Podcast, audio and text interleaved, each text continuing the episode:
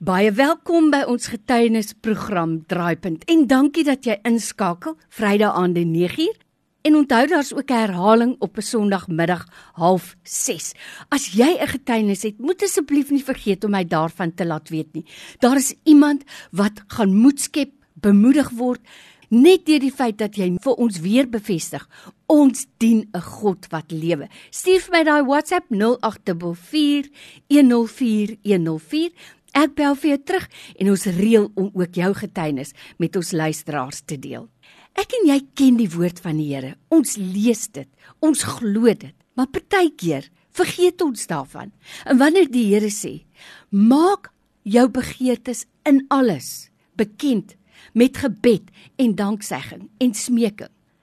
Dan is dit wat ons moet doen. God ken ons harte en hy ken selfs die besonderhede van jou diepste hartsbegeertes. Ek gesels vandag met 'n ou vriendin, Strudie Baardnorst.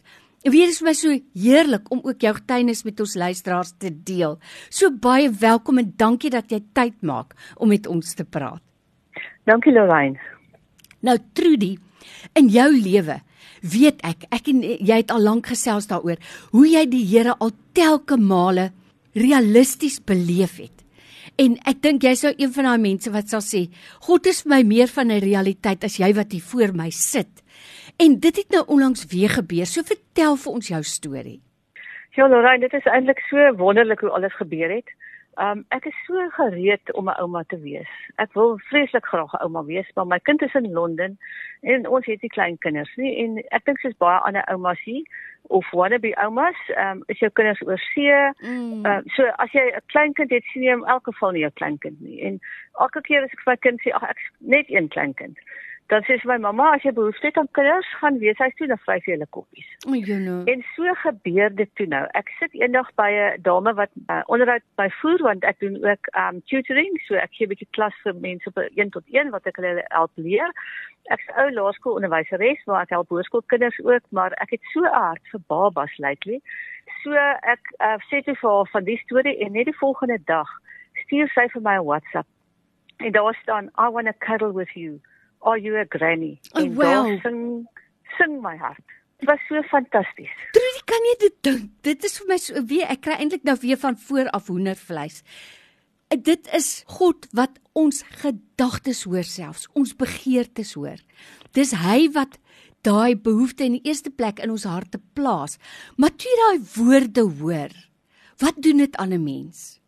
Weet jy, ek was so opgewonde want want ek het al lankal gebid daaroor maar nog nooit iets gedoen nie en toe hierdie nou oor my pad kom en toe sê sy vir my die kind wat ek tutor, sy sê sy gaan Vrydag middag gaan werk sy by die uh, sy's 'n volunteer by die weeshuis. So sy speel sokker saam met die kinders, die groter kinders, maar ehm um, toe sê sy daar was 18 babas wat vasgehou wil word. Wat? Jene en ek is so opgewonde, toe gaan ek saam met haar. Nou, dit is nou eh, soos ek sê, Jy weet ons het mos 'n ou gesegde wat sê the devil is in the details. Ek bestraf dit.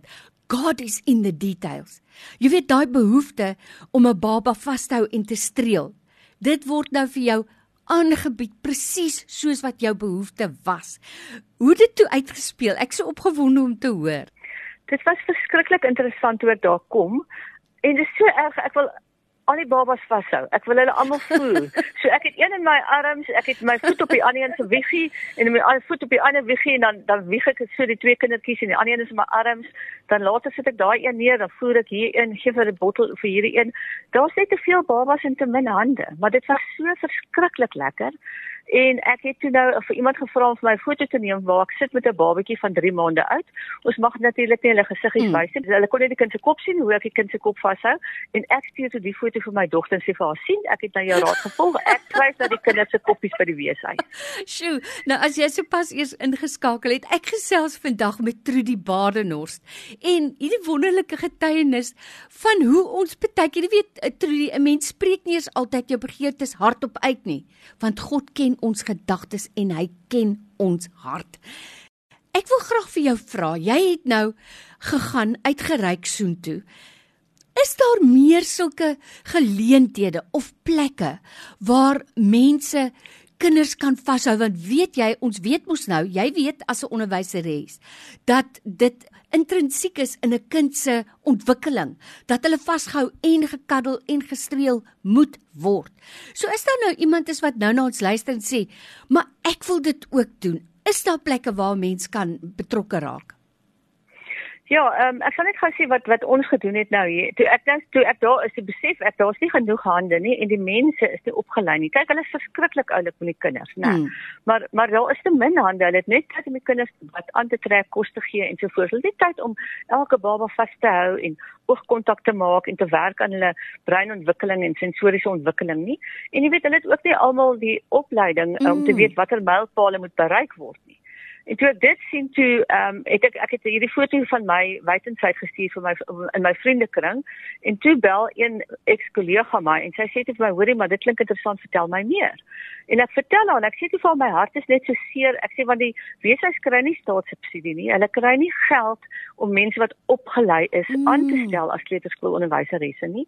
En sy sê vir my hoorie maar ek bel jou terug. En seker 'n halfuur later bel sy my terug en sy sê hoorie oud kollega van ons het afgetree. Sy spesialis spesialiseer in die ontwikkeling van 'n baba wat? tot en met skoolgaande ouderdom en sy volunteer haar tyd.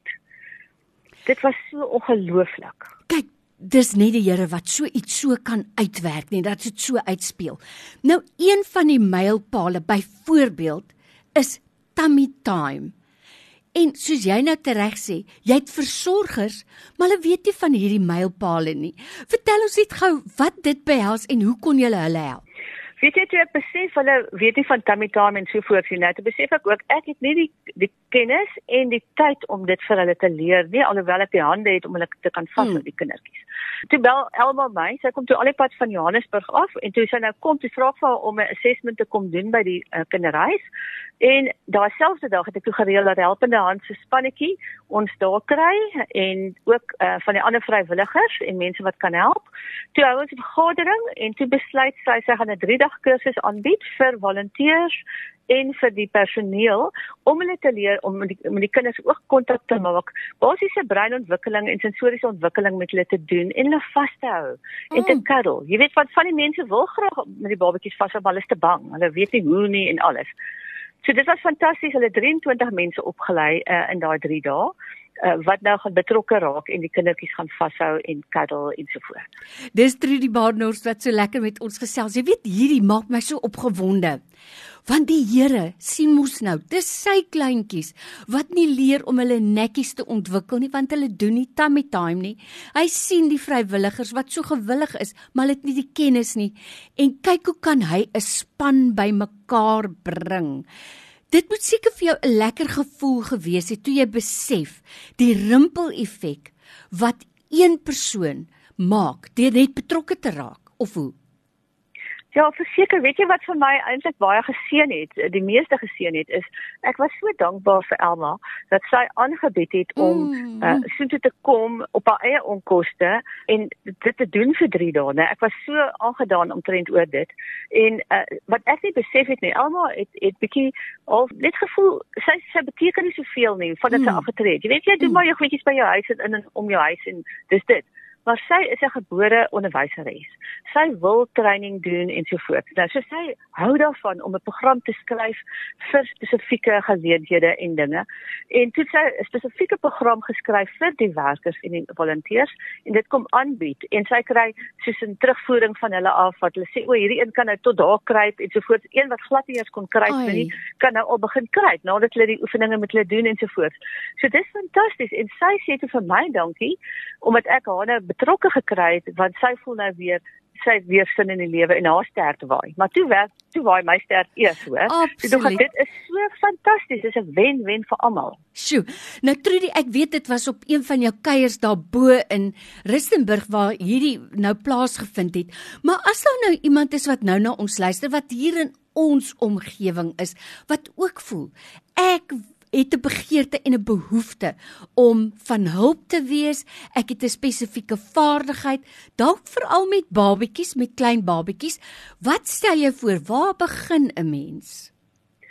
Ek dink die heel mees praktiese ding is is om te gaan kyk in jou onmiddellike omgewing, waar is 'n kinderhuis of 'n safe house of iets in die lyn of ewen 'n hospitaal, né? As ek mm. vir kan sê, vir al die staatshospitale, daar's baie klein klein babatjies in waar die ma los die baba by die hospitaal en dan gaan sy weg. Dan vir 3 mm. maande moet daai baba daar lê voordat die baba mm. aangeneem kan word, maar meeste van die tyd plaas hulle hulle uit in in, in kinderhuise. So daai baba het geen vreeslike vashou tyd nie. So, mm. miskien kan jy gaan volunteer by 'n hospitaal of iewerster. Kyk, mens kan nie enige mens laat enige plek laat werk nie, dan moet ongelukkig uh, weet 'n uh, polisieklaring gedoen word en alles, maar dis 'n klein prys om te betaal om die papierwerk te doen om die satisfaksie te kry om iets sinvol vir iemand te doen. En 'n rede hê om op te staan. En boonop ja. is jy besig met God se ou kleintjies. Sjoe. Weet jy Trudy, so dankie vir jou tyd vandag. Dit het nou vir my so baie beteken. Net om weer eens te besef hoe God betrokke is selfs in ons diepste begeertes, in ons gedagtes.